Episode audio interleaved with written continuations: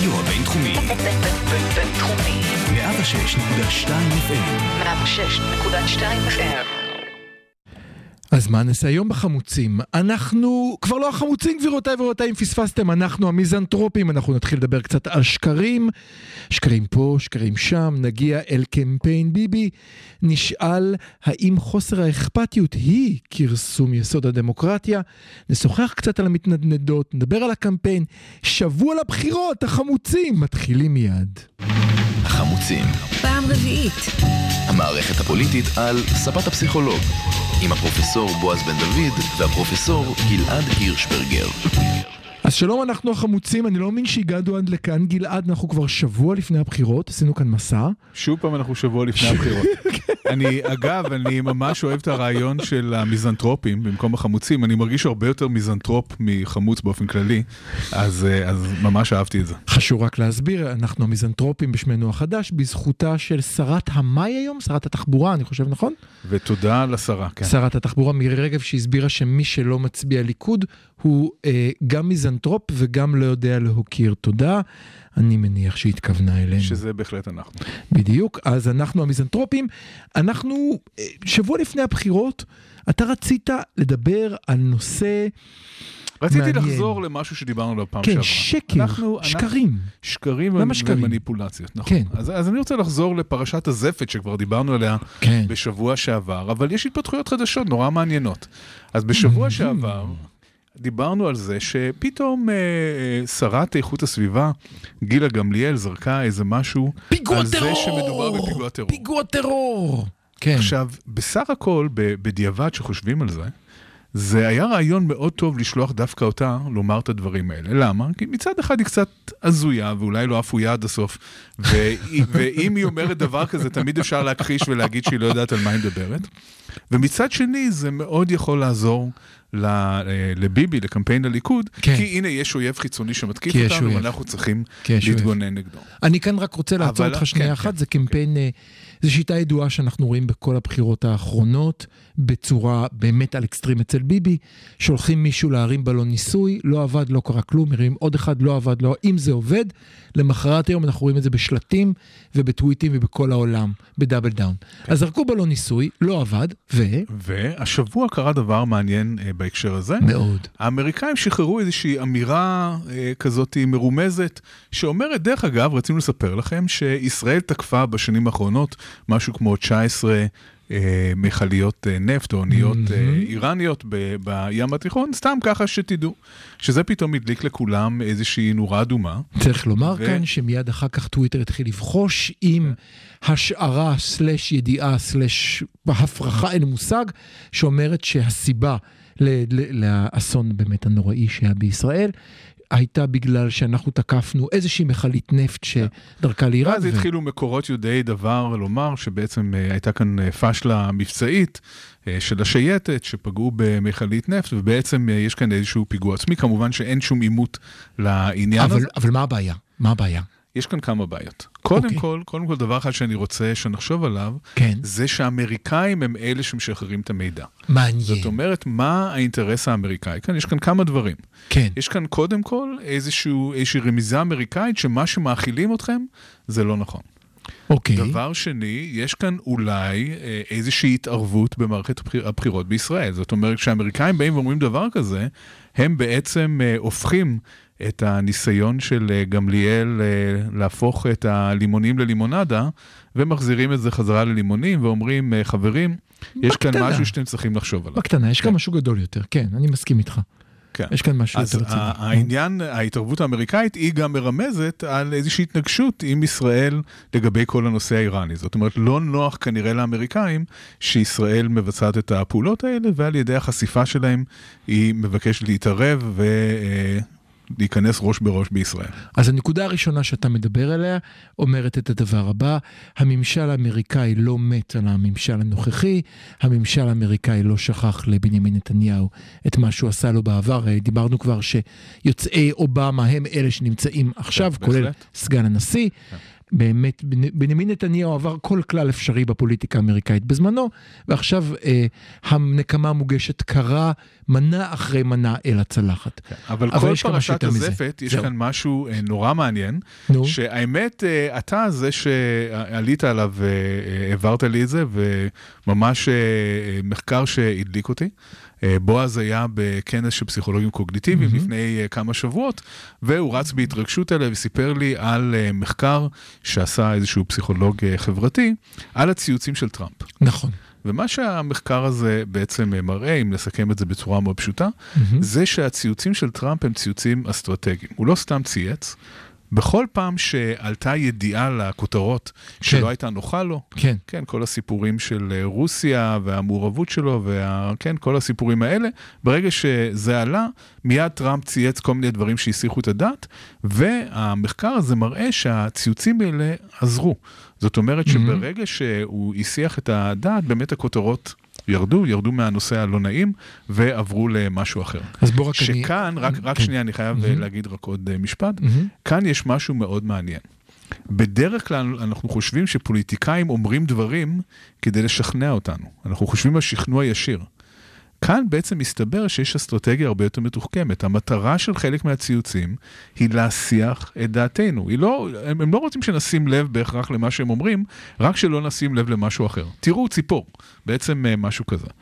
אני חושב שאם אם נחזור לפרשת הזפת, לא, אני חושב שבפרשת הזפת היו הרבה, תראו ציפור, היו הרבה מאוד מקרים שבהם היו הרבה מאוד דברים, כולל סיפור הכלה הסורית שכבר דיברנו עליה, שהמטרה הייתה בעצם להפנות את הראש שלנו לכיוון אחר, אל תסתכלו לשם, תראו, יש שם רגע, משהו תן לי שנייה, אתה פה זורק יותר מדי כדורים לאוויר. מצטער, הייתי חייב להגיד את זה. אין שום בעיה. אז קודם כל אה, חשוב לתת אה, דברים בשם אומרם, מדובר בפרופסור סטפן לאונדובסקי, שהוא מאוניברסיטת בריסטול ומאוניברסיטת ווסטרן אוסטרליה, שהוא חוקר אה, קוגניטיבי וחברתי, עושה באמת מחקרים מדהימים, מעניין שהוא בכלל במקור, מה שמעניין אותו זה זיכרון. וככה הוא הגיע אה, להבין איך אנשים שוכחים כל כך מהר דברים, כחוקר זיכרון הוא נהיה לאט לאט חוקר חברתי. המחקר באמת אסף אלפי ציוצים שלו. כן, מה שיפה זה שזה מחקר של big data, זה לא מחקר על כמה נבדקים. מאות מיליוני מילים שהיו בעיתון וב... אני חושב שזה הניו יורק טיימס ו-ABC חדשות, והוא מראה שכאשר צמד מילים מסוים, שמאוד מסוכן לטראמפ בתקופת הבחירות, שזה המולר ורוסיה, עלה, רק כשצמד המילים הזה עלה, ולא אף צמד המילים אחר, הוא התחיל להטיל ציוצים שהיו בהם ארבע מילים שהיו טובות לו, שזה המיסים, לאומיות וכאלה, וביום אחרי שהוא הייתה מתקפת ציוצים אדירה שלו, שגם רוטווטה היטב, אנחנו יום אחר כך מדברים עליו, ולא מדברים מילה אחת על כל הפרשות שהיו קודם, כלומר זה עובד. כן. ועכשיו הגעת... קשה, קשה קצת להאמין שטראמפ עצמו הוא זה שעמד מאחורי האסטרטגיה הזאת, אבל ברור שמישהו עשה את זה, זאת אומרת זה לא אקראי. ברור שמישהו ישב וחשב שככה צריך לעשות, שצריך בעצם אה, להסיח את הדעת, אה, וזה רעיון אה, מעניין ויפה ועובד בצורה מופלאה. אם מסתכלים על הנתונים, זה ממש עבד. אני רוצה להמשיך את הנקודה הזאת. אם אתם זוכרים, היה לנו כאן איזה עשר דקות שבהם נכנסנו למחוזות העצבים והקונספירציה, שניסינו להבין את סיפור הכלה הרוסית, ורק הצבנו שאלות לגבי כל הדברים שנראו לנו בלתי סבירים בעליל, בדומה לאותו מקרה שבעזה מישהו ניקה את הלוח בקרה ופתאום נורות עולים על תל אביב. לא, אל תדאגו, זה סתם תקלה, לא התכוונו, אופס. אותו דבר קורה כאן עם זה היה, המחלית. זה היה סיפור שהוא אפילו לא היה תפור uh, בצורה טובה, uh, ויותר ויותר נראה שבאמת מדובר בתרגיל uh, תירוץ ציפור. Uh, ואנחנו עדיין לא יודעים מה קורה שם עם, ה- אבל עם הזה. למה? וגם, למה זה גם קורה? מה שאמרנו עכשיו הוא בעצם סוג של אה, תיאוריות קונספירציה. האמריקאים רמזו משהו, הם לא אמרו שום דבר מפורש. יש עוד כל מיני רסיסי מידע מפה ומשם, ואנחנו עדיין לא באמת יודעים את האמת. אנחנו יודעים דבר אחד, אנחנו יודעים שמישהו... עושה עלינו סיבוב מאוד גדול. למה? שמישהו, שמישהו מערבב. אותנו, מערבבים אותנו כל הזמן. למה ללא אנחנו. חושבים שמערבבים אותנו, ואחר כך אני רוצה להגיד מה הבעיה האמיתית בעיניי. קודם כל, למה אנחנו חושבים שמערבבים אותנו? אחד, כי לא נותנים לנו מידע. שתיים, כי אני מקווה, בתמימותי, שאם גוש שחור מתקרב לעבר חופי ישראל, הוא יאותר מראש שזה לא מדובר בצוללן שבא לפוצץ אותי בזמן שאני מבלה בים עם בנותיי. זאת אומרת, יש כאן רצף דברים שלא לא מסתדרים, כן. בנוסף אומרת, יש המידע, הסתרה. המידע עצמו חלקים גדולים ממנו הם בלתי סבירים, כן? בגלל, כנראה בגלל המהירות שבה היו צריכים אה, לתפור איזשהו סיפור, אז הסיפור, אה, לא, לא, לא הסיפור הסורי ולא הסיפור של לא הזפת, יודע. נשמע מאוד סביר. אני לא יודע מה הסיבה, אבל יש כאן בעיה עמוקה. הבעיה העמוקה היא שאני ואתה, אזרחי ישראל, מצביעים, משרתים בצבא, משלמי מיסים, כל מה שאתה רוצה, לא מאמינים יותר למדינה שלנו. וכאן יש משתנה מאוד מאוד חשוב, משתנה פסיכולוגי מאוד חשוב של אמון הציבור במדינה, בהנהגה, וזה דבר שאנחנו יודעים שהוא מאוד מאוד בעייתי בישראל. אגב, אה, אני חושב שסיפרתי את זה או בשבוע שעבר או לפני שבועיים, על מחקר מאוד גדול שאני אה, שותף לו, שבאמת נמצא שאחד המשתנים הכי חשובים שמסבירים היענות לכל הנחיות הקורונה זה אמון ברשויות. במדינות שבהן יש אמון, אז אנחנו רואים הרבה יותר אה, אה, נכונות אה, להגביל את ההתנהגות של האזרחים, ובמקומות שלא, כמו בישראל, יש הרבה יותר ברדק. אז אני כאן רוצה אה, להמשיך אותך, אני יודע שאתה רוצה עכשיו להגיע אל ביבי, אז אני מוכרח לומר שאותו לוונדוסקי, ואני מתנצל אם אני אומר את שמו לא נכון, במחקרים שלו הוא בא ומדבר אה, על ההיסטוריה הקצרה של שקרים, והוא מראה מי השקרים של ריצ'רד ניקסון, כל, כל הדרך אל השקרים של ג'ורג' בוס, ובסוף אל השקרים של טראמפ. הוא אומר שיש הבדל בשקרים. א', הסיבה היא שיש כאן סוג של שקרים אחרים, אם בהתחלה הוא טוען שבשנות ה-70 השקרים של הפוליטיקאים היו שקרים שקורא להם שקר, שקרים סיסטמיים, שנעשים בקפידה בשביל להתאים, הוא אומר שעכשיו השקרים מטרתם היא shock and chaos. זאת אומרת, מטרתם לגרום לי ולך לא להאמין לשום דבר. עכשיו בוא נעבור לנתניהו. נכון. וזה קצת מזכיר את House, שמה הוא אמר? אתה ראית את התוכנית House? לא, תכה אותי. הוא תמיד אמר, everybody lies. וזה כנראה נכון, במיוחד אה, כשמדובר בפוליטיקאים. אוקיי, ובכל זאת הוא טוען, אני, אני, הוא טוען שיש הבדל בסוג השקרים. הוא אומר, אוקיי, יש שקרים שנעשים בקפידה, ויש שקרים שמטרתם לטלטל. ספר לי קצת, ואני יודע שזו הנקודה הבאה שרציתי לדבר, לא, מה קורה עם נתניהו וארצי. יש שקרים שהמטרה היא אינפורמציה אחרת. כן, ש- כן. שהמטרה של שקר היא אינפורמציה, ויש שקר שהמטרה שלו היא הסחת דעת. נכון. שהמטרה היא לבלבל אותך, שלא תדע לאן להסתכל, כבר לא תדע מה נכון. אבל למה זה טוב? בוא, למה זה כדאי לנתניהו, בוא ניקח לדוגמה, שאני כבר לא אאמין לשום דבר.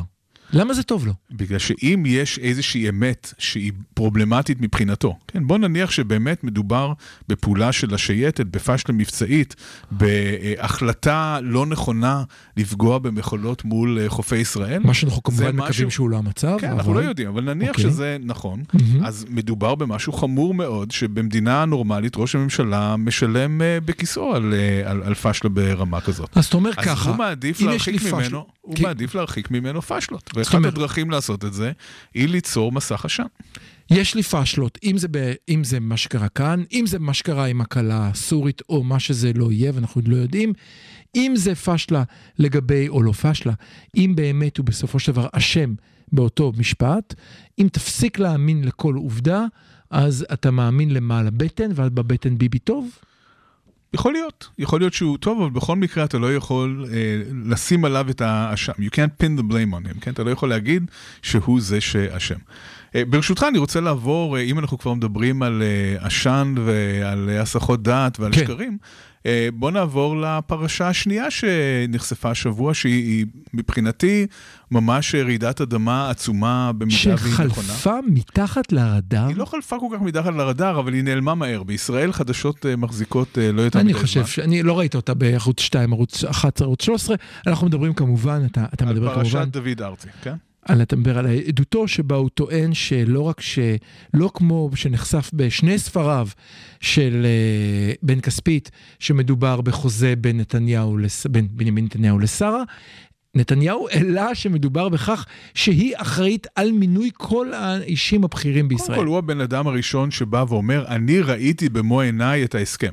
אוקיי. Okay. ראיתי הסכם. כן. לא שמעתי, זה לא שמועה, זה לא ככה אומרים, אלא mm-hmm. אני ראיתי את ההסכם. Mm-hmm. אז אנחנו לא יודעים כמובן עד כמה העדות הזאת היא אמינה, הוא עבר uh, פוליגרף, שגם זה לא דרך אמינה לדעת אם מישהו... כן, uh, פסיכולוגים אנחנו יודעים נכון, ש... אנחנו יודעים כן, שלא. כן. Uh, אבל במידה ויש דברים בגו, מדובר במשהו שהוא מאוד חמור. זאת אומרת, אם באמת קיים הסכם בין שרה לבין ביבי, שהיא אחראית, או, או היא אפילו לא אחראית, היא זו שצריכה לתת את אישור. האוקיי, את האישור כן. על מינוי אה, בכירים. כן. זה אומר שיש כאן ראש ממשלה שנסחט במשך כל תקופת כהונתו. כן. זה דבר שהוא לא, לא מתקבל על הדעת בכלל, הוא בלתי נתפס. זה משהו שהיה אמור להרעיד את אמות הסיפים, ואתה צודק שהוא הוא לא עבר מתחת לרדאר, אבל הוא לא עשה את מה שהוא אמור הוא לא לעשות. פתח כותרות ביום שישי, זה הרי היה בבילדאפ, יום שישי, מהדורות הטלוויזיה הנצפות ביותר בשלושת הערוצים.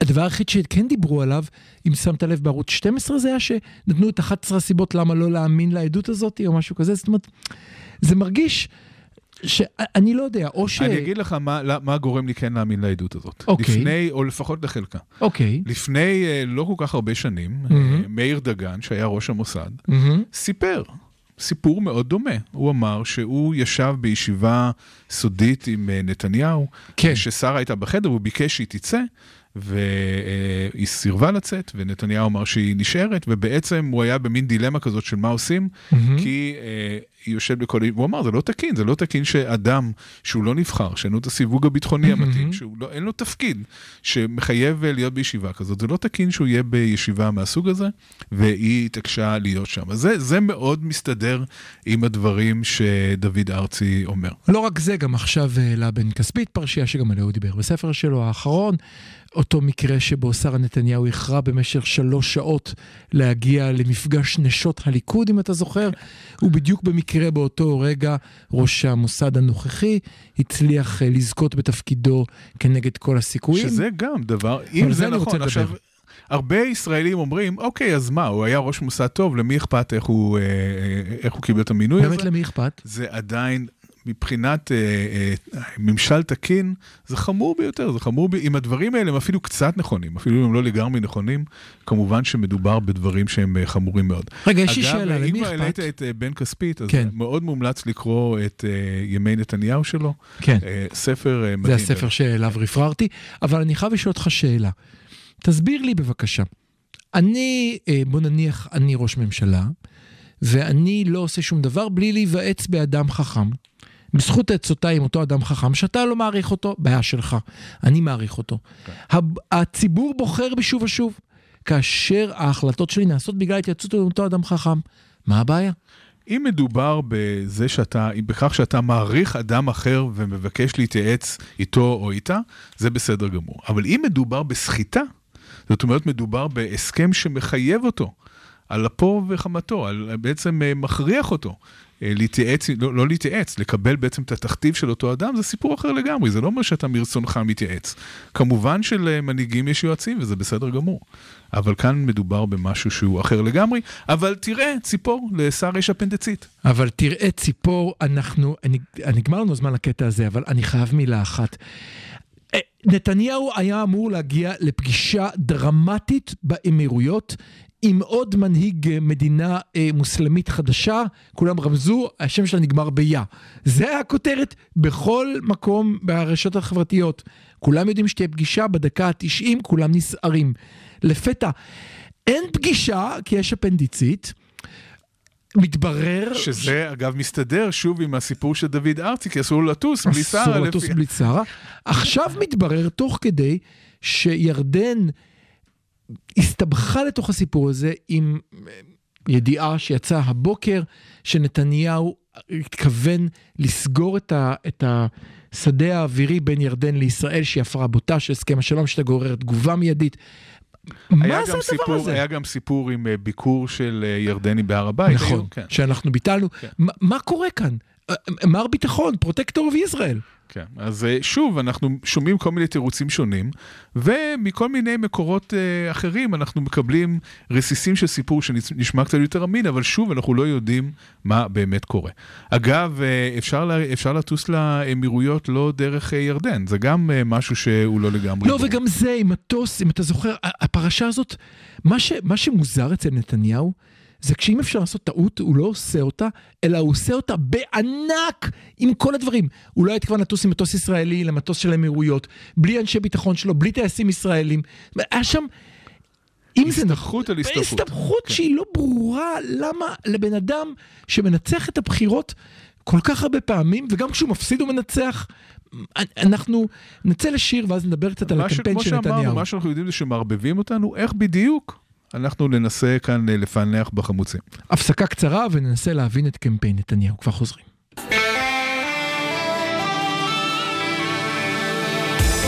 הרדיו הבינתחומי, בינתחומי. 106.2 FM, 106.2 FM. החמוצים, פעם רביעית. המערכת הפוליטית על ספת הפסיכולוג, עם הפרופסור בועז בן דוד והפרופסור גלעד הירשברגר. אז תודה רבה שחזרתם אלינו, אנחנו החמוצים, אפשר לשמוע אותנו ברדיו אם אתם מאזינים לנו עכשיו, אחלה ימי א', צריך להגיד את זה כי תכף הרי נרד, ימי א' בשעה 606.2 FM, אם אתם מאזינים לנו בפודקאסט תעשו follow, תוכלו לקבל גם את הפרקים הבאים, גם את הקודמים, יש לי הרגשה שאנחנו נהיה פה גם במועד ה' שתכף יבוא. אחרי שדיברנו קצת על שקרים, אנחנו רוצים לדבר על הקמפיין של נתניהו. מה קורה פה? אני לא יודע, אנחנו חיסונים? כבר לא. אנחנו ממשלת ימין מלא?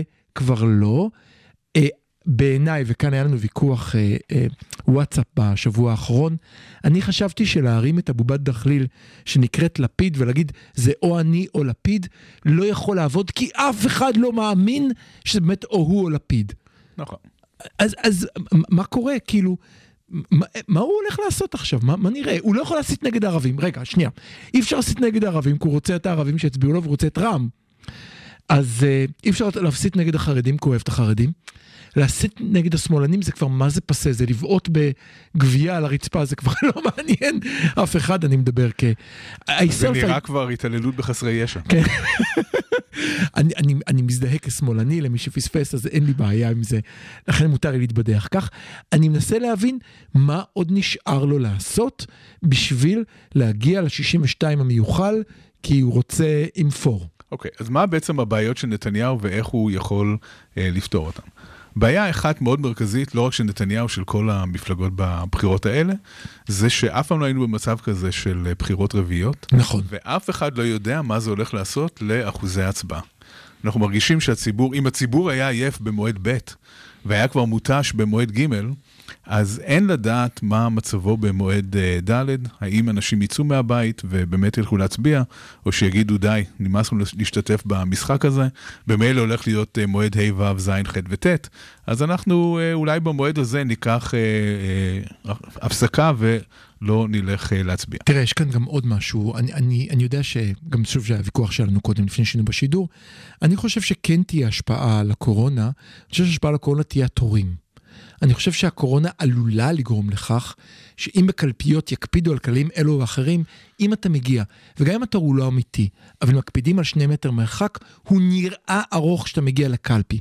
אתה יוצא לקלפי בבוקר, רואה תור ארוך, אתה אומר, אני לא רוצה לקלל עכשיו, אבל הקללה ברורה כאן, אה, יום יפה, שמש, אני הולך לים, תסתדרו בלעדיי.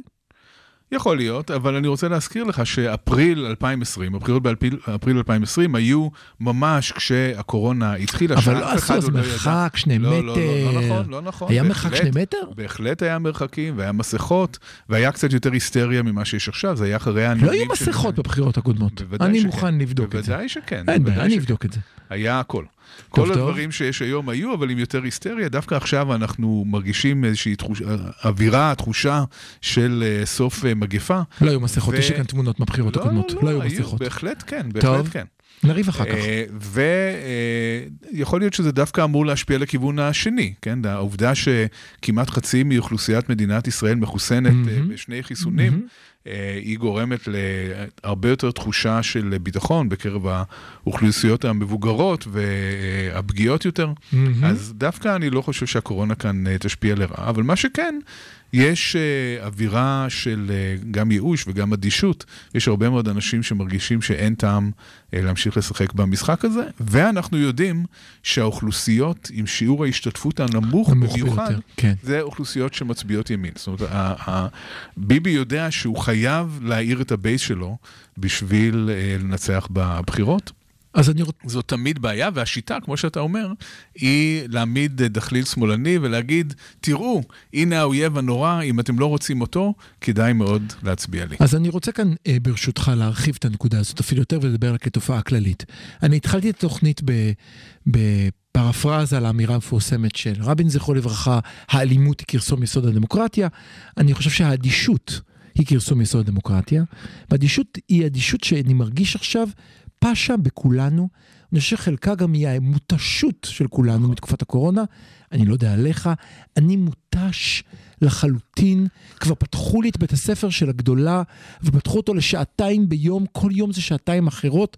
אני כבר מותש עד הקצה, ועכשיו אני צריך להיות שיהיה אכפת לי מהפוגרום, סליחה, אבל זו מילה היחידה שאני יכול לקרוא לזה, מהפוגרום שקרה בשבת בשטחים, או פוגרום שקרה לפני שבוע, או האירוע שהפך להיות מנהג בפורים, להכות בערבי שאתה רואה בירושלים. זה, זה באמת דבר מזעזע. ו- ואני לא כמו ש- מזדעזע, כי כבר אי אפשר להזדעזע. כמו שיהודים היו פוחדים מנוצרים ערב כריסמס, אז ערבים צריכים לפחד מיהודים בפורים, זה באמת אה, לאן נורא ואיום. ערבים מפחדים מיהודים בפורים, מיהודים, מיהודים, ממני, מהעם שלי, מאנשים שאני מרגיש אחריות אליהם. האדישות לגבי מה שקורה עם פלסטינים היא לא חדשה, כן? יכול להיות שהתגברה אבל היא לא חדשה, אבל בוא נדבר על האדישות באופן כללי, במושגים שאתה תבין, אבל, אבל היא אדון. אה, פסיכולוג לא, אבל שנייה, קוגניטיבי. עוד דקה אחת לפני זה. אבל אדישות, אני אומר, אם, אתה אומר, דיינו עם אדישות רק כלפי האחר, דיינו.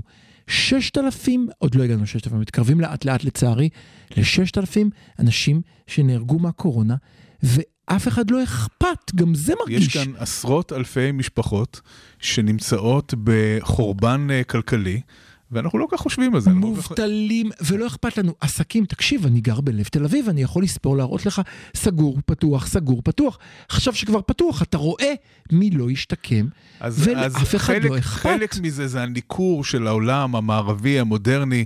אפשר ללכת לכיוון של אה, מרטין בובר וכולי, לא אבל חושב. יש כאן עוד משהו, רציתי להסביר לך את זה במושגים אה, שתבין. לך על זה, איזה יופי, יש תודה. כאן, יש כאן עניין של עומס קוגניטיבי. אוקיי, אה, אתה רואה. כן. כשאדם, כשאדם הממוצע מהמם. מתמודד מצד אחד עם זה שיש איזושהי חרדה של מגפה באוויר, מצד שני הילדים שלו חלק מהזמן כן בבית ספר וחלק לא בבית ספר, לומדים בזום או לא לומדים בזום, והעסק שלו נמצא בקריסה והוא בחל"ת כבר עשרה חודשים וכולי וכולי וכולי, היכולת שלו לקחת על עצמו עוד משהו ולהגיד, אוקיי, גם אכפת לי ממה שקורה לאנשים אחרים, היא מצטמצמת מאוד. כמובן שזה הרבה יותר קשה אז, אה, או, או, או שיהיה איזשהו עניין בבחירות, כמובן שהעניין הזה מאוד מצטמצם. אז אתה אומר שאכפת לי זה סוג של luxury, סוג של, אה, תעזור לי כאן מילה בעברית, סוג של מותרות, שיש למי שיש לו יצורים, עודף. אנחנו קודם כל מהמם. יצורים דפנסיביים. אוקיי. בתור התחלה, האדם הוא יצור דפנסיבי, הוא קודם כל מגן על עצמו. Self-protective. בשביל, נכון שיש לנו את היכולת גם להראות אמפתיה לאחר. אוקיי. ו- אה, שיהיה אכפת לנו מהזולת, מהמם. אבל זה דורש משאבים. כשאנחנו כל הזמן עסוקים בקיום ובהישרדות שלנו, מאוד קשה לנו להרים את הראש וגם לראות את האחר. אז אנחנו לא נמצאים במצב אה, קטסטרופלי, אבל אנחנו כן נמצאים במצב שיש בו עומס מאוד מאוד גדול על רוב האוכלוסייה, וקשה לה להסתכל על האחר. אז אמרנו שיש עומס גדול, אני חושב שאתה יותר ויותר מחזק את האמירה הגרועה שלי הזאת על האדישות, היא כרסום יסוד הדמוקרטיה, אבל זה נראה שזה זה. נכון. כי אם אין- אתה אדיש נכון. לפוליטיקה ואתה כשהציבור אדיש, אדיש, אז כן. הוא גם לא ילך להצביע, זה אחת, זאת אחת הבעיות. עכשיו, ביבי כבר מרגישים שינוי בקמפיין שלו, אנחנו מרגישים שהוא מתחיל להתייחס לעניין הכלכלי, שהוא מתחיל להתייחס לעניין של אה, העסקים הקטנים, שהם במיוחד זה הנושא אבל ב- השביעי שלו, הוא התחיל בחיסונים, אחר כך הוא אמר, לא. כולכם תמותו אם אני לא אביא עוד חיסונים. זה נפל, כן. מנכ"ל פייזר אמר, אני אתן למי שאתם רוצים חיסונים, אכפת לי, תביאו כסף. אז עכשיו הוא כבר לא מדבר על זה, אני... אני גם לא מבין עוד משהו, וכאן תעזור לי בזה.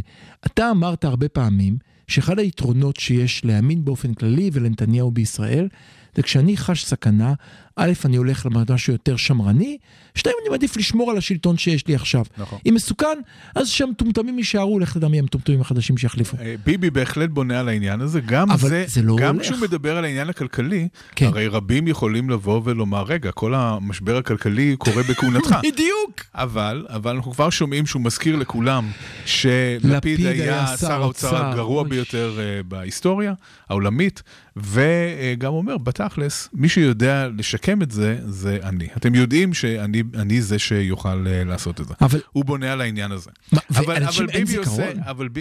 לא כל כך, אוקיי. אה, וגם, אתה יודע מה, אם אנחנו מסתכלים על זיכרון, בכל זאת, אה, נתניהו כן היו לו הצלחות לא מעטות בתור שר אוצר, צריך לומר את זה.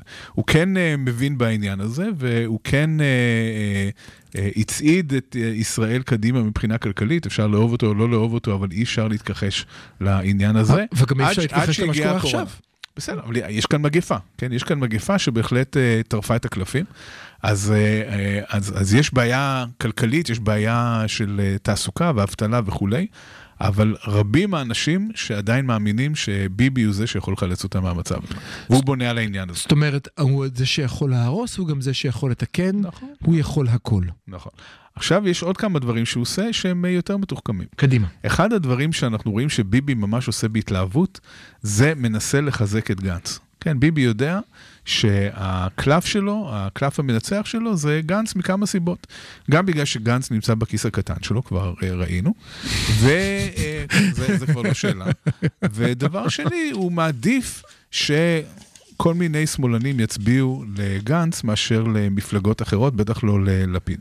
הוא מעדיף, את, אה, הוא מעדיף גנץ אה, חזק, ואפילו אפילו המצב הטוב ביותר מבחינתו זה שגנץ יתקרב לאחוז החסימה, לא כן. יעבור, והשמאל השאלה אם באמת קולות. גנץ, אני כאן רוצה לשאול אותך שאלה שמסקרנת אותי.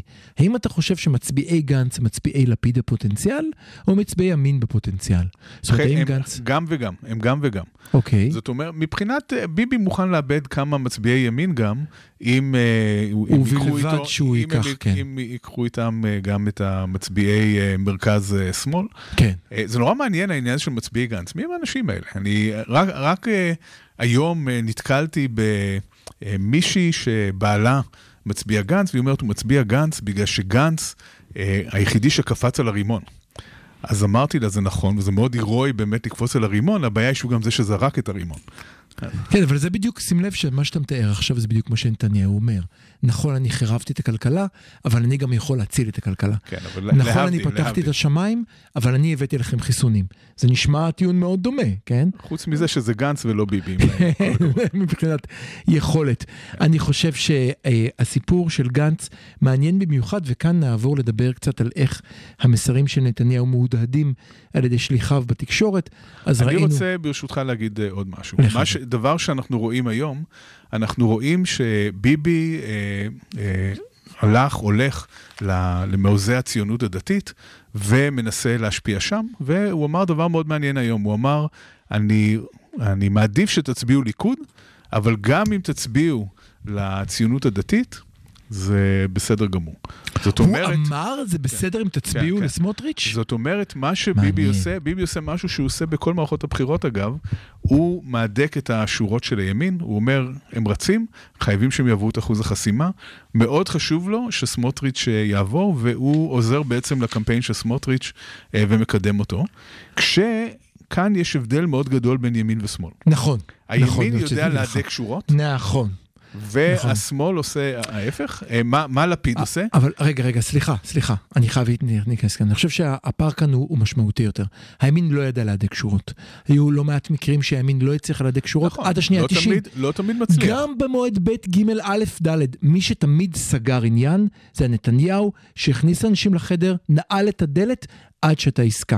אין היום מנהיג בצד השני שמסוגל א', לעשות את זה. במועד א', השנאה שלו, או אולי של אה, זוגתו כן. לבנט, כן. אה, גרמה לו לשנות את, ה, את הטקטיקה. נכון. אבל אה, בדרך כלל מה שהוא עושה, הוא מהדק שורות. אבל כי יש מישהו, אני חושב שאין איחוד בימין כמו שיש יכולת לנתניהו לייצר איחודים בימין, נכון, ואני חושב שכאן, לו לפיד היה מנהיג שנתפס על ידי הצד השני בשיעור קומה, אז אליך היה יכול לרוץ למשל, לדוגמה, עם אבל לפיד גנץ. עושה משהו אחר עכשיו. אוקיי. לפיד, לפיד התחיל לתקוף את גנץ, ואנחנו אה, כן, רואים עכשיו כן. איזושהי מגמה שהוא בעצם מנסה לשתות את הקולות של גנץ. הוא מבין שגנץ מפריע לו, הוא מבין שגנץ הולך אה, אה, לשקוע גם אין לו מאיפה קולות- לשתות קולות, הוא לא יכול לשתות קולות ממרץ, נכון, כי הם לא עברו.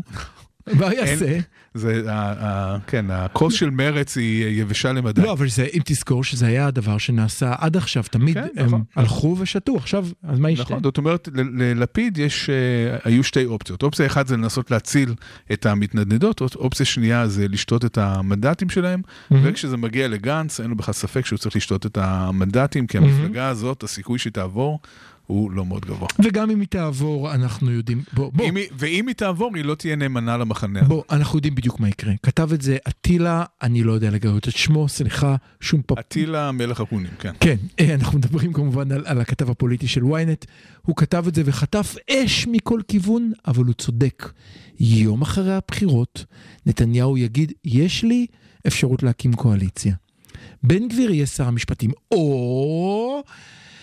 תקשיבי, מרב מיכאלי, נכון עד עכשיו היית כזאת, תקשיב גנץ, גנץ מיד יקפוץ, זה זה הרי לא בעיה. מרב מיכאלי לא תעבור אליו. אנחנו נגלה. אנחנו ראינו נגלה. כבר שלא. אנחנו כאן נגלה. אה, בועז מדבר בתור פעיל אה, מרץ, יכול- לא- ש... אה, אני אדם, אני, אני לא מסתיר את עמדותיי. שמפריע לו שמיכאלי בעצם הפכה, היא הפכה להיות המרץ האמיתית היום, כן? צריך להגיד את זה. אנחנו שמרץ- בוא נשמור את זה לחלק השלישי ואנחנו נריב על זה בשלישי. בוא נריב על זה בשלישי. בסדר גמור. הנקודה הבאה שאני רוצה שנדבר עליה עכשיו, שהיא מאוד מעניינת אותי, שקשורה גם לסיפור של אה, ראש המוסד שהובטח שיהיה בתפקיד בכיר בממשלה הבאה, דבר שהוא בלתי אפשרי בגלל חוק הצינון, שמי שהעביר אותו הוא נתניהו, שהבטיח שהוא יעשה את זה. זה סיפור, ה... ודיברנו על זה קודם כמה פעמים, הקומפלקס המוזר שיש היום לימין עם אנשי הצבא. לכאורה, היית מצפה שהימין אוטומטית יזדהה עם הצבא. בוא נראה את כמו המפלגה... בכל מדינה נורמלית. כמו בכל מדינה נורמלית, אפילו בארצות הברית, אנחנו יודעים שאנחנו מצפים שהרפובליקאים יהיו בעד הצבא עד טראמפ. עד טראמפ, וזה גם מה שגרם ללינקולן פרויקט, לאנשי הרפובליקאים לצאת נגדו, היה הזלזול הבוטה שלו באנשי הצבא. עכשיו בואו נראה מה קורה בישראל. מי שעשה את הניתוח הזה נורא יפה. בואו ניקח את המפלגה הכי ימנית על המפה והכי שמאלית על המפה. בהכי ימנית על המפה יש לך שניים שהם באמת מייצגים את הסיבות הכי לאומיות, רק שהם השתמשו משירות צבאי. כל אחד מהם בסיבות אחרות. סמוטריץ' אה, שירת חצי שנה לדעתי. שירת חצי שנה, ואז הוא שם את עצמו במקום המאה והחמש עשרה ברשימה לכנסת בשביל לצאת באמת בצורה פתטית, אה, באמת. ולגבי בן גביר הצבא אמר, אנחנו לא מגייסים אה, טרוריסטים. וכאן אני יכול להגיד לך שהרבה מאוד אנשים שהיו פעילים פוליטיים ידעו שנה לפני גיל 18 לעשות משהו. מי שנלחם על שירות צבאי או שירות לאומי, ואני יכול להגיד לך את זה מידיעה, מצליח גם אם מוציאים אותו מאלף ואחת סיבות. מי שנורא חשוב לו כי זה אידיאולוגי לו, מצליח והוא גם יכול להיות שנתיים בש- בשנת שירות בבית חולים בצפון, לא קרה כלום. ואנשים עושים את זה. יש לנו כאן שניים שהתחמקו משירות, ובקצה הכי הכי שמאלי יש לך את סגן הרמטכ"ל. זאת אומרת שיש לך כאן איזושהי אנומליה מאוד מעניינת, שבעיניי מובילה יש, לכך... יש שם לאנומליה הזאת. לך על זה. יש אה, תופעת טבע שהיא עדיין אה, בלתי מוסברת אה, במידה רבה, שנקראת פרדוקס ביטן. זוכר את אה, דוד ביטן? דוד ביטן, בוודאי. מה זה פרדוקס ביטן? תפתיע אותי.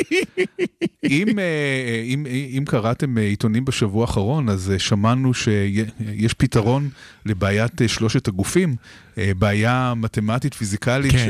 שלא היה לה פתרון בעצם אה, במשך אה, מאות שנים, יש כיוון אבל אה, לפתרון, כן. לפרדוקס אה, ביטן אין עדיין אה, אין פתרון לפרדוקס ביטן? אה, פרדוקס ביטן זה אה, דוד ביטן לפני כמה שנים אה, אמר אני לא מבין את זה אנחנו שולחים אנשים לצבא לתפקידים בכירים לשב"כ למוסד והם יוצאים מהצד השני שמאלנים איך זה קורה הדבר הזה? נכנסים עם סכין בין השיניים ויוצאים יוצאים- זית יוצאים בין שיניים. שמאלנים, בדיוק. כן.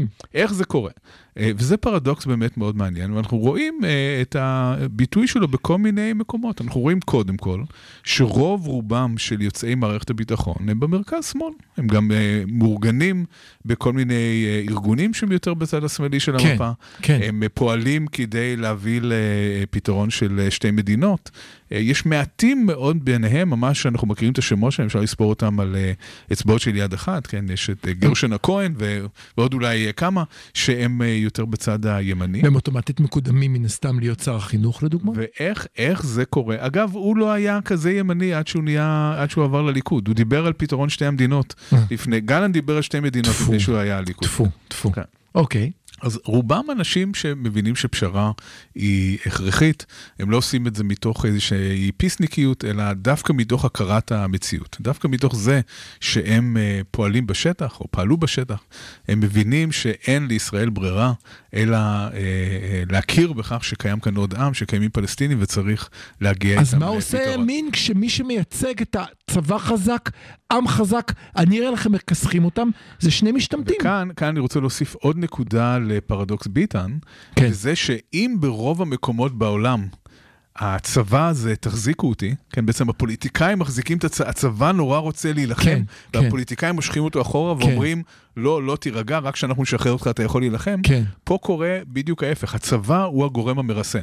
הצבא הוא הגורם שאומר, תנשמו עמוק, תירגעו, אין פתרון צבאי למה שאתם אה, אומרים, והם אלה שמרגיעים את, ה, את, הגור, את הגורמים המדיניים שהם הרבה פעמים יותר קיצוניים. כן, אתה רומז מסתכלים- גם כמובן על סיפור אהוד ברק וההפצצות שהיו או לא היו באיראן וכל העניינים.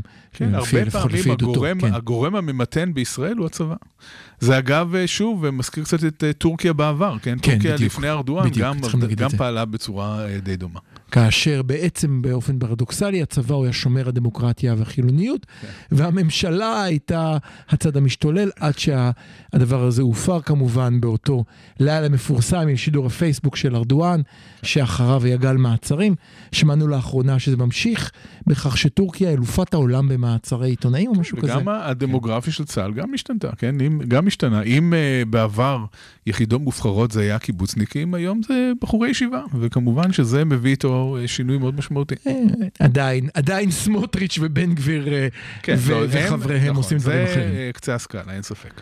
אני לא בטוח אם זה קצה הסקאלה, כי אנחנו רואים למי אנשים מצביעים, ובכל זאת כמעט נגמר לנו הזמן. איך נתניהו יכול להתמודד עם העובדה שאין לו אנשי צבא בכירים להעמיד ולהגיד, תנו לי ערבים ואני אוכל אותם, הם מישרו לי בין השיניים. מה עושים?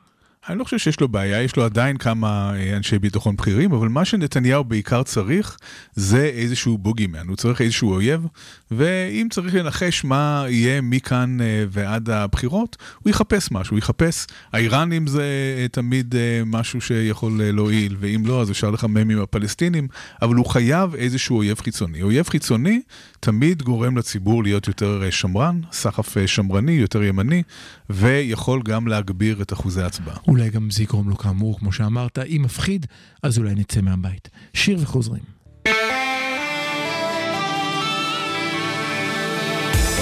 הרדיו הבינתחומי, בינתחומי. 106.2 FM, 106.2 FM.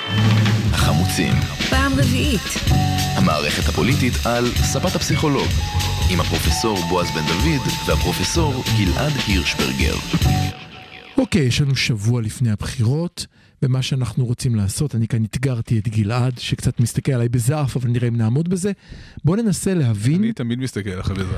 כן, זאת בעיה, אבל אני כבר התרגלתי אחרי מספיק ש... אנחנו כמה שנים אנחנו כבר פה בחמוצים? אני מרגיש שאני כאן מאז ומתמיד. סוגרים תכף שנתיים של בחירות. בואו ננסה להבין בישורת האחרונה מה הם הולכים לעשות או מה אנחנו מייעצים להם לעשות. נתניהו אמרת, נתניהו חייב אויב. לא משנה מי, מאיפשהו, הוא חייב אויב ומהר. לא הישגים, זאת אומרת, אתה לא אומר שהוא צריך עוד מדינה ערבית לחתום איתה, אלא דווקא מישהו שיגיד, הוא האויב. זה מה שאני אראה לך. לא, הישגים זה גם טוב, אני לא אומר שהישגים זה לא טוב, הוא מחפש אה, כל מיני עצמות של אלי כהן וכל מיני דברים כאלה בשביל אה, איזשהו גימיק אה, בשבוע של הבחירות, אבל אה, אויב תמיד עובד. גם בזה, דרך אגב, אמרתי לך, התחושה שלי שעכשיו כל מה שהוא עושה הוא מסתבך, שזה קצת לא ייאמן, כי תמיד חשבנו שהאיש קוסם ולנחות, גם עם העצמות.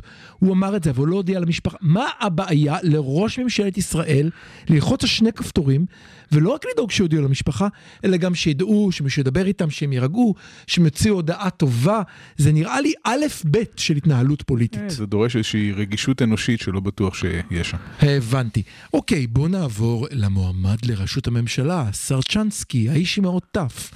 מה יכול לעשות גדעון סער כשהתחיל עם 19, ירד ל-12, יורד ל-9, מה יהיה התקווה החדשה? גדעון סער זה באמת uh, תופעה מאוד מעניינת, בגלל שבעצם מה ששונה בו מבשאר המועמדים, זה שגדעון סער הוא היחידי שאין לו באמת גייסות. אין אנשים שהם גדעון סער באש ובמים. מצביעי, אה. מצביעי גדעון סער הם אנשים שאמרו, אוקיי, הוא אלטרנטיבה. כל עוד הוא נתפס בתור האלטרנטיבה לנת- לנתניהו, בתור מישהו שיכול להוביל את המחנה השני, אז uh, ראינו שיש עלייה בתמיכה בו, אה, במיוחד שהוא פרץ קדימה עם המפלגה החדשה. כן. אבל גדעון סער נמצא בסכנה הכי גדולה כרגע מכל המפלגות האחרות, תפתיע. בגלל, ש... בגלל שאין לו גייסות. ברגע שהוא התחיל לרדת בסקרים, הירידה הזאת יכולה אין די להפוך... הארד. אין אין- אנשים שאומרים באש ובמים אני אצביע די לו, hard. מה שלא יהיה. נכון, זאת אומרת ש... שיש לו, הפוטנציאל התרסקות שלו הוא אה, ללא תחתית. אין, אין בעצם גבול אתה אומר, אם בסקר. איזשהו סקר אקראי מחר הוא על 6 או 7 בטעות, משם לך תדע אה, עתידו כן, מאישורנו. וכאן כאן צריך לומר משהו על סקרים. אנחנו יודעים מצד אחד שסקרים כמה שבועות או כמה ימים לפני הבחירות לא בהכרח מנבאים את תוצאת הבחירות מכל מיני סיבות. בהחלט. בין היתר בגלל שאנשים לפעמים עוד לא החליטו, מהמם. אבל לסקרים יש השפעה על ההתנהגות של הציבור. זאת אומרת, כשאנשים רואים שיש איזושהי מפלגה שעולה, אנשים רוצים להצטרף לסיפור הצלחה. כשרואים שעול, שיש עלייה, הצלחה. שיש עלייה בסקרים לאיזושהי מפלגה, זה יוצר איזשהו מומנטום ומגביר את התמיכה במפלגה. ואילו כשרואים שיש צניחה של איזושהי מפלגה, במיוחד מפלגה שמראש אין לה תומכים נלהבים, זה יכול להוביל להתרסקות. אז בוא נלך לתמונת המראה, בוא נלך אל לפיד. לפיד תמונת מראה, ברשותך. א', הוא בצמיחה, ב', יש לו גייסות, אחוז שרמוטה נכון, גייסות. נכון, נכון. אצלו גייסות זה לא רק אנשים שאומרים אני אצביע לו, זה אנשים שאומרים אני ביום הבחירות אהיה בחמש בבוקר בקלבי בפסדילוך בשביל לעמוד עם שלט נכון. לפיד, גם בלי כסף. נכון, לגמרי. מה, וזה, מה הוא יכול לעשות? וזה אפשר לומר, מה שלפיד קודם כל למד הרבה מהעבר. נכון, הוא אה, מסכים. יישם אה, לקחים והוא עושה קמפיין מצוין. נכון. הוא עושה קמפיין מאוד מאופק. מהמם. הקמפיין שלו הוא לא אה, בחדשות, הוא לא בראש כותרות. הקמפיין מסכים. הוא בטלפונים מסכים. ובפעילות של הסניפים ושל הפעילים, וזה עובד. ובחדשות וזה עובד מקומיות מצוין. ובחדשות איזוטריות הוא נכון, מופיע. וזה כן, עובד אה, מצוין. נכון. וכמו שאמרנו מקודם, אחד הדברים שעכשיו הוא עושה, הוא יתחיל להפעיל את הקשית ולשתות את אה, גנץ, אה, ונראה אולי גם אחרי. ראינו את זה כבר עכשיו, סער יצא, ב... סער, סליחה, לפיד יצא בקמפיין חדש שבו הוא אומר, חשוב יש עתיד חזקה בשביל. נכון. ועכשיו בשביל מי? עכשיו, עכשיו אה, לפיד בהחלט יכול גם לקחת חלק מהקולות של סער. יש הרבה אנשים שמצביעים לסער שבאופן פוטנציאלי יכולים להצביע גם ללפיד בלי שום בעיה. כי מה שהם רוצים זה בעצם מישהו שינצח הם את רוצים ביבי, לא ביבי. וזה נכון. לא מעניין אותם מי יעשה את זה. בוא נמשיך, אה, אני חייב לדבר על הבן השלישי. אני, אני, אני, רציתי להגיד את הטוב, הרע והמכוער, אבל אף אחד כאן הוא לא טוב ולא רע ולא אני, מכוער. אני רוצה להגיד עוד דבר אחד כן. סער. יש דבר אחד שכן אולי פעל לטובתו של סער השבוע. מהמם, היו את העימותים האלימים האלה בין תומכי ביבי לסער. מהמם. אתה זוכר את האירוע הזה שאחד כן, ה- כן. הפעילים של סער אפילו אושפז ל- אושפז, לדעתי. כן, אז כן. מעבר למקרה המצער הזה, זה יכול דווקא להועיל לו כי זה הופך אותו לרלוונטי. אם, אם הוא במלחמה הבנתי. ראש בראש עם ביבי, הבנתי. אז זה אם דווקא ביבי שולח. את איציק זרקא לשים מולך מגפונים, כנראה שאתה חשוב. כן, בדיוק, כנראה שאתה כן. אלטרנטיב. רק כשאיציק זרקא לא צריך אף אחד שיפעיל אותו. חייבים ללכת אל השלישי בזריזות, בנט, האיש שמת להיות ראש ממשלה ועושה את הכל בשביל לצעוק אני ראש ממשלה, המגלומן והיהלומן, מה נעשה איתו? כן, אז בנט אה, צנח אה, מאזור ה-20 מנדטים לפני כמה חודשים, אה, הוא צנח במידה משמעותית, אבל מאז הוא מתייצב. הוא עדיין על- יציב. הוא על 11-12. נכון, מאז לא הוא. יציב, וכאן זה ההבדל הגדול בין בנט לבין סער. לבנט כן יש גייסות. בנט כן יש אנשים שמאוד מעריכים אותו ומאוד אה, אוהבים אותו ויצביעו לו בכל מקרה, אה, ולכן אה, בנט נמצא כרגע במצב הרבה יותר יציב. אם אתה זוכר לפני כמה שבועות, דווקא אמרנו שבנט תקוע בין הפטיש לסדן, הוא תקוע מהמם, בין סער נכון. לבין אה, לפיד. נכון. הירידה של סער מעמידה אותו במקום אחר. נתנה לו מקום לצמוח. זמננו מתחיל לרוץ, חייבים להגיד שבן גביר מככב גם בקמפיין של לפיד וגם בקמפיין של גנץ, אם שמת לב. כן. בן גביר מופיע, אין לנו כבר תמונות של ביבי זה או אני או ביבי, זה נהיה או אני או בן גביר. והוא גם מככב כמובן לקמפיין הגוואלד של מרץ, שעושה עכשיו, הצילו אותי, אם לא תצילו אותי, אתם תקבלו כעונש את בן גביר. התשובה לבן גביר זה רק כן, וזו אני. באמת שאלה מאוד מעניינת, אה, מה, איזה השפעה יש לנוכחות של אה, בן גביר בכל הקמפיינים האלה. אה, זה עלול לפעול גם כמו בומרנג, דווקא לתת לו לגיטימציה, אם הוא מופיע בכל המקומות, אז הנה הוא חלק מהשיטה, הוא, הוא, הוא אה, לגיטימי. נכון. אנחנו רואים שהציונות הדתית עושה בו שימוש זהיר. Heal. אנחנו הוא רואים נעלם, למשל... אתה זוכר, מאז... זה מאז... לא לגמרי נכון שהוא הלב. נעלם. אפשר לראות שלטים שונים בהתנחלויות. נכון. ובנגיד אזורים יותר מתונים כמו בית שמש. בבית נכון. שמש רואים את סמוטריץ', שהוא הפך פתאום להיות אתה הממלכתי. צודק, אתה כן. צודק. כמו קמפיין בערבית, קמפיין בעברית. ואת בן גביר רואים בהתנחלויות, ששם אוהבים אותו. כן, אז בדיוק כמו הקמפיין בערבית, קמפיין בעברית של הרשימה המשותפת, אותו משחק בדיוק. ועכשיו בוא נדבר על מפלגת העבודה, ברשותך אני אגיד מילה אחת על זה. אני חושב שאמרתי לך את זה כבר, אמרתי את זה בזכותך, אתה אמרת פעם, מרב מיכאלי יש לה ticket אחד, אמרתי לה, לא, אני מכיר אותה, היא עושה עוד מאוד דברים, אמרת, לא בועז, היא מוכרת בזכות ticket אחד, צדקת ואני טעיתי, מה שאני טעיתי עוד יותר, חשבתי ה ticket הזה לא מוכר, ה ticket הזה מוכר. מוכר מעולה. היא אומרת, אני רק דבר אחד. יש מפלגות שמנסות להגיד הרבה דברים, מרץ היום בנואשותה מרימה את כל הדגלים הרגילים שלה, מיכאלי מגלה. מנהיגות. רק דגל אחד. והרבה מאוד יצירתיות. רק דגל אחד, חזק, הרבה יותר חכם להרים דגל אחד. שים לב, ליברמן גם הולך יש לתרגיל לה הזה. קמפיינר מעולה. ליברמן הולך על אותו תרגיל, הוא גם מרים רק דגל אחד. אחרי שהוא הרים המון דגלים, הוא הבין שזה טעות, הוא מרים רק דגל אחד, אני שם את והוא עושה את זה במריצה. בצורה אה, בוטה ווולגרית אה, כפי שמתאימה לו. כפי שמתאימה בדיוק, לא? כן. ועוד מרב מיכאלי עושה, משחקת על כרטיס הנשים בצורה שובבה, מצחיקה, אינטליגנטית, בדיוק כמו שאתה מצפה מהתדמית שלה. מישהו, מישהי, סליחה, מה פתאום מישהו? מישהי, כמובן, במקרה שזה חייבת הקמפיינרית, עושה שם, אמרת גבר, תיזהר, עושה שם עבודה טובה. יש כאן צמצום של נושא אחד, ושוב אני אגיד לך את מה שאתה לא אוהב לשמוע, וכל נושא הפלסטינים נשאר לבד. נכון. בגן. זה לא מעניין כרגע אף אף אחד. אחד, חוץ ממפלגה אחת שלא תעבור בסוף בגלל זה את אחוז החסימה, אף אחד לא מוכן להגיע. והמפלגה הזו מנסה לספר לנו שאם היא לא תעבור אז יהיה לנו את בן גביר, אבל אפשר באותה מידה לומר שאם היא לא תפרוש, יהיה לנו את בן גביר. אנחנו לא נפתור את הדילמה הזאת עד שבוע הבא. בכל אופן, אנחנו משאירים אתכם כאן עם ציפ, ציפ, ציפייה לשבוע הבא. אני מהמר, אתם הולכים לראות ניסיון נואש של כולם לעורר אתכם, כולל הפגנה גדולה שצפויה במוצאי שבת הבא של כל ארגוני המחאה בבלפור, שגם הם מנסים לעורר את המצביעים, להגיד, צאו להצביע כל אנשי האנטי ביבי. נראה מה יהיה, אנחנו היינו חמוצים. תודה רבה, ניפגש שבוע הבא. תודה לכולם.